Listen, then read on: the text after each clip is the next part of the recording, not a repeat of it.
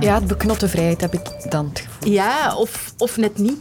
Je hangt er ook niet aan vast. Je moet hem niet kwijt. Je, Je moet, moet je niet naar het onderhoud, Je moet je moet geen, geen- onderhoud doen. Wie zijn de autodelers? Medewerkers van de Canadese regering mogen vanaf vandaag de app TikTok niet meer gebruiken op hun werktelefoon en andere apparaten. Wie weet wat al er binnen op je toestel. Allee, zo Chinese apps en al. Dat is, het is wel iets eh, raar. Is TikTok echt een bedreiging voor mijn privacy? Zou het mij misschien nog lukken om de waarheid te achterhalen? We gaan proberen de zaak op te lossen. En mijn naam is Filip Heijmans. En wat is er zo verslavend aan true crime? Kwartier gaat op zoek naar de waarheid en niets dan de waarheid. Welkom, ik ben Sophie van der Dokt. De auto waar we in rondrijden hoeft al lang niet meer onze eigen auto te zijn. De bedrijfswagen kennen we natuurlijk, maar ook een auto delen wordt populairder. Vorig jaar zijn er 40% gebruikers bijgekomen. 121.394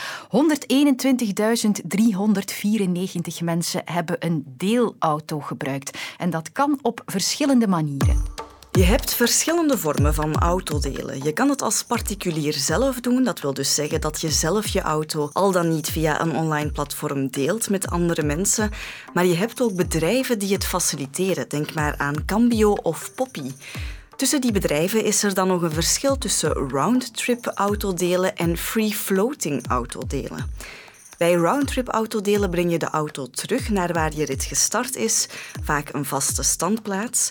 En hier wordt er meestal met een abonnementsformule gewerkt. Bij free-floating autodelen wordt er zonder abonnement of vaste standplaats gewerkt. Je zoekt dan via een app een auto in je buurt en kan dan meteen beginnen rijden. Je betaalt hier meestal alleen voor je verbruik. Ik ben er zelf niet bij, maar wie zijn nu die mensen die auto delen? Wij hadden eigenlijk alles in de buurt en wij stelden vast dat wij een auto hadden die vijf dagen op de zeven, minstens, stilstond voor onze deur.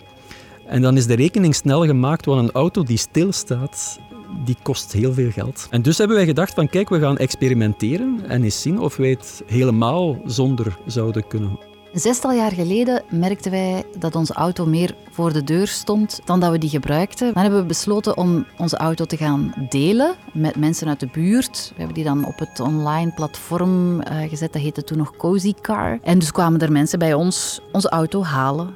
Uiteindelijk hebben we dan toch beslist, omdat we hem zo weinig gebruikten, om die auto weg te doen. En zijn we zelf op dat online platform gegaan. En daarnaast doen we ook Cambio. En wij zijn daar heel tevreden van. Er is een hele last van mijn schouders gevallen door geen eigen voertuig meer te hebben. Winterbanden, zomerbanden, verzekeringen, onderhoud, eh, parkeerverbod in de straat, wagens naar de carwash brengen, al die dingen, dat is allemaal van mij afgevallen. Ik kan gewoon een wagen huren wanneer ik het nodig heb. En al die sores, daar ben ik vanaf. Het grootste voordeel bij Cambio is dat je een vaste parkeerplek hebt. Je moet niet rondrijden een half uur lang op zoek naar een plekje, maar je weet gewoon, ik kom terug en ik heb een plaats eh, die gereserveerd is. Ik ben daar heel enthousiast over. Het leert je plannen. Gaandeweg zijn we dat gewoon geworden. Als wij iets in onze agenda plaatsen, dan denken we er ook meteen bij na van oké, dan moeten we een auto voorzien. Er is ook een, een ecologische factor eh, die meespeelt natuurlijk. Wij waren van plan om het zes maanden te doen. En we zijn zes jaar verder, dus ik denk dat wij het ondertussen gewoon zijn. Verschillende redenen en motivaties dus, en toch zie ik het mezelf nog niet snel doen. Hoe komt het dat de ene er wel voordeel in ziet en de andere niet? En hoe zal dat autodelen de volgende jaren nog evolueren? Vragen voor Cathy Magaris, professor mobiliteit aan de VUB. Waar dat mensen wonen is, is belangrijk. Hè. Je ziet dat in uh, Brussel de aantallen mensen die een deelwagen hebben veel groter is. Terwijl in Vlaanderen is alles veel verspreider. Zijn mensen vaak uh, nog meer wagenafhankelijk, omdat je ook niet goede openbare vervoersverbindingen hebt. Zijn de afstanden groter en zijn die deelwagens ook nog niet zo beschikbaar op uh, wandelafstand. Nu zijn er een paar elementen bijeen aan het komen, denk ik, die maken dat er echt een grotere verandering is. Ik denk ten eerste de brandstofprijzen, die een hele tijd gestegen zijn, waardoor dat mensen ook echt moeten ook nadenken over hun budget. Maar ook het feit dat heel veel steden nu met lage emissiezones aan het verstrengen zijn. Dus dat mensen ook moeten nadenken van, ja, hou ik mijn wagen nog? En als ik mijn wagen hou, kan ik dan al direct een elektrische wagen kopen, die nog altijd duurder zijn dan andere. Als je een heel mobiliteitssysteem bekijkt en hoe dat, dat evolueert, gaat eigenlijk gaan van wagenbezit naar mobiliteit als een dienst. En waar je eigenlijk die wagen maar gebruikt op het moment dat je niet die andere diensten wil gebruiken of kan gebruiken. Heel die trend van delen past helemaal in die evolutie naar mobiliteit als een dienst. En je ziet dat dat in de steden inderdaad die transformatie bezig is, dat er meer gedeeld wordt, dat, dat we inderdaad die grote stijging krijgen. Maar voordat heel dat systeem kan uitbreiden naar minder bevolkte delen, ja, dat zal nog zijn tijd pakken.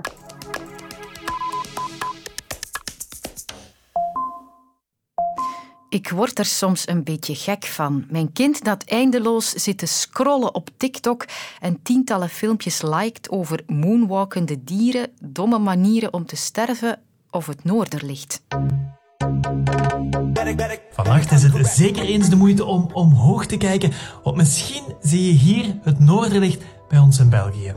Hi guys, nog eens een daily vlog en vandaag was ik in Leuven. Ik ging mis naar de subtiel, dat was lang geleden. Maar mijn irritatie is niet het grootste probleem met TikTok momenteel. De app geeft officiële instanties over de hele wereld kopzorgen en overheden verbieden hun medewerkers om TikTok te gebruiken op hun werktelefoon. Gisteren kwam de Canadese regering met zo'n verbod. Vorige week de Europese Commissie. En in de Verenigde Staten is het al verboden om op je werk-gsm naar TikTok-filmpjes te kijken over, ik zeg maar iets... Cucumber, cucumber, cucumber, cucumber, cucumber. Komkommers op renaissance-schilderijen. Whatever it means, if you ever notice a big cucumber in a painting, it's probably a crivelli. En de reden voor al die nervositeit? TikTok is Chinees. Ik laat me dat even uitleggen door inlichtingen-expert Kenneth Lassoen. TikTok eist eigenlijk toegang tot zaken die op uw smartphone staan, zoals toegang tot uw eh, locatie, zoals um, het eigenlijk kunnen meelezen van berichten die je via TikTok stuurt, maar ook uw IP-adres, uh, ook uw zoekgeschiedenis en natuurlijk houdt de app alle voorkeuren bij en daar worden allerlei uh, analyses mee gemaakt. Het probleem daarbij is dat TikTok daarmee in staat is om een volledig profiel van u op te stellen, zowel op uw psychologische als eventueel zelfs ook uw politieke voorkeuren. Het is zeker een probleem als eh, Chinezen meer over ons gaan weten dan wij over onszelf weten. En het risico bestaat eh, dat op een bepaald moment daar dus ook misbruik van gemaakt zou kunnen worden. Dus het eerste wat ik straks doe, die TikTok-app deleten of niet. Ik haal er Doreen van Meldert bij. Hey, hey. Onze sociale mediajournalist en ja, ook TikTok-verslaafde. Dagelijks meerdere uren, jammer genoeg. ik snap de heisa, maar ik blijf nog wel fan van TikTok met de info die we voorlopig hebben. En ik heb drie vragen. 1. TikTok weghalen van de telefoon of toch maar niet? Het lijkt wel een goed idee voor mensen met een hoge functie, bijvoorbeeld als je bij de overheid werkt, om de app toch te verwijderen.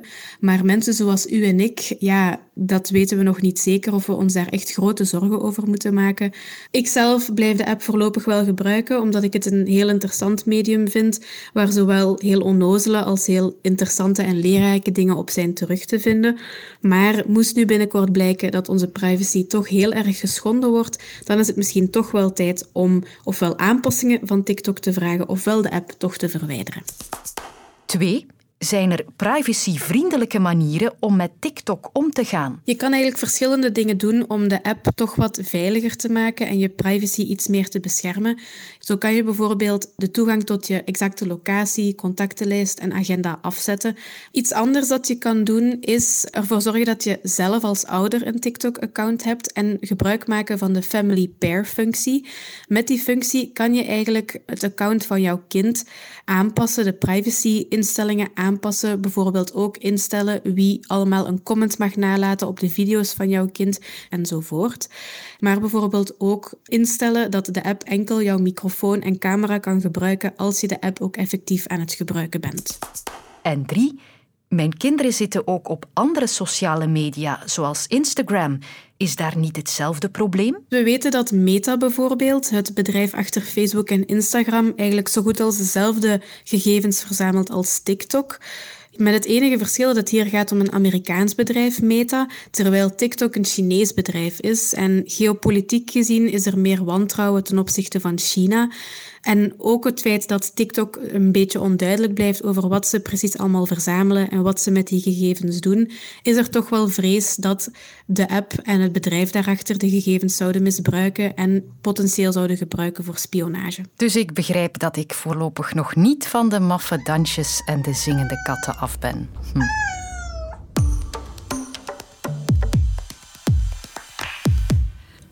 Gaan zitten, mevrouw Van der Donkt. U weet waarvoor u hier bent, neem ik aan? Uh, ja, mevrouw de rechter. Dat is intussen wel een hele waslijst aan moord- en verdwijningszaken die u al bekeken of beluisterd heeft, hè? Serial, Dirty John, The Lighthouse, Damer, My Favorite Murder, The Volksjury, The Staircase, enzovoort en zo verder.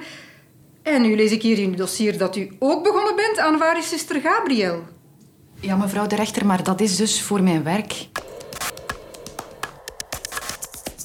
Filip Heijmans, jouw podcast-ei is gelegd. Waar is zuster Gabriel? Wat is het verhaal in het kort? Zuster Gabriel was een zuster in een klooster in Dendermonde die 41 jaar geleden plots verdwenen is. Uh, eerst werd er gezegd dat ze zelf vertrokken was, dat ze ergens een man achterna was gegaan. Maar jaren later kwam er een grondig onderzoek van de politie en bleek dat er wellicht meer aan de hand was en dat ze waarschijnlijk vermoord is door de priester-directeur van dat klooster omdat ze dingen over hem te weten was gekomen en dat hij daar heel boos over was. Zonder te veel te verklappen heeft het mij toch verbaasd in die eerste aflevering dat er eh, in de tijd van haar verdwijning weinig of niks daarover in de media verschenen is. Terwijl we dan nu bijvoorbeeld de zoektocht naar een vermiste vrouw met dementie op de voet kunnen volgen. Het zijn heel andere tijden. Hè? Het is een heel andere tijd op uh, veel gebieden. Als je kijkt bijvoorbeeld naar verdwijningen. Uh, mensen gingen naar de politie en kregen te horen: Goh ja, wacht even af, die komt waarschijnlijk wel terug. Zeker als het over een volwassene ging. Iemand die niet meteen vijanden leek te hebben. Dat is echt pas veranderd met de zaak Dutroux in 1996. Tegenwoordig moet er meteen een scenario gevolgd worden. Zijn er mensen die erin gespecialiseerd zijn en die weten, die eerste 24 uur die zijn cruciaal bij een verdwijning. Dan moet je meteen op zoek gaan.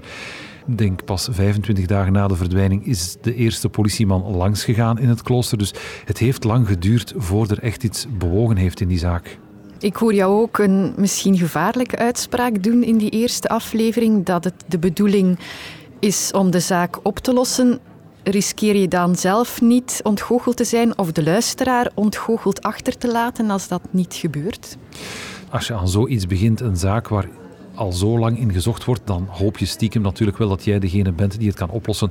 Ook al weet je dat die kans heel beperkt is. Anderzijds merk ik wel, uh, een tijdje geleden heeft die verdwijning in het nieuws gezeten. En toen hebben meteen mensen mij gecontacteerd met allerlei tips. Ik vermoed dat dat nu opnieuw zal gebeuren. En ja, die kans blijft klein, maar je weet maar nooit hè, uh, dat er daar toch eens de tip bij zit.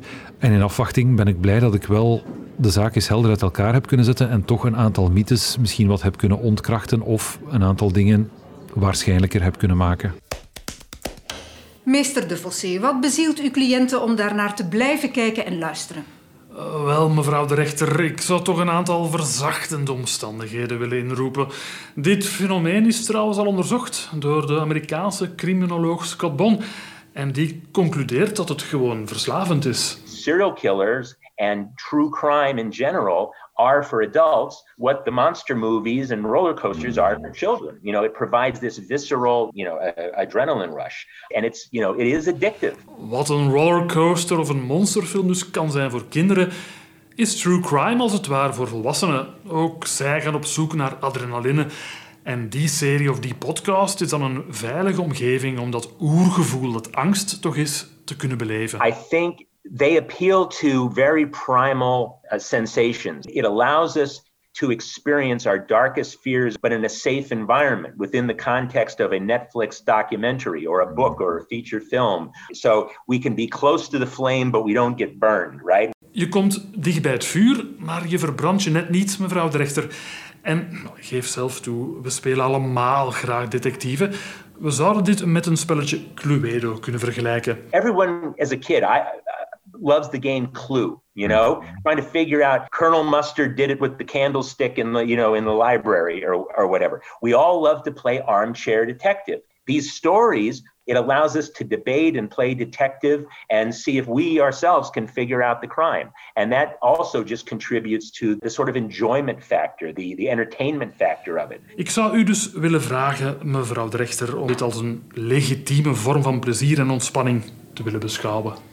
Meester De Fossé, ik zal uw argumenten in overweging nemen. Vonnis over twee weken. En dat geeft mij nog genoeg tijd om in alle vrijheid Waar is zuster Gabriel uit te luisteren. Dag. Je dagelijkse afspraak met het kwartier in de auto. Dat kan nog handiger en veiliger. De app van VRT Nieuws is ook beschikbaar via Apple CarPlay en Android Auto.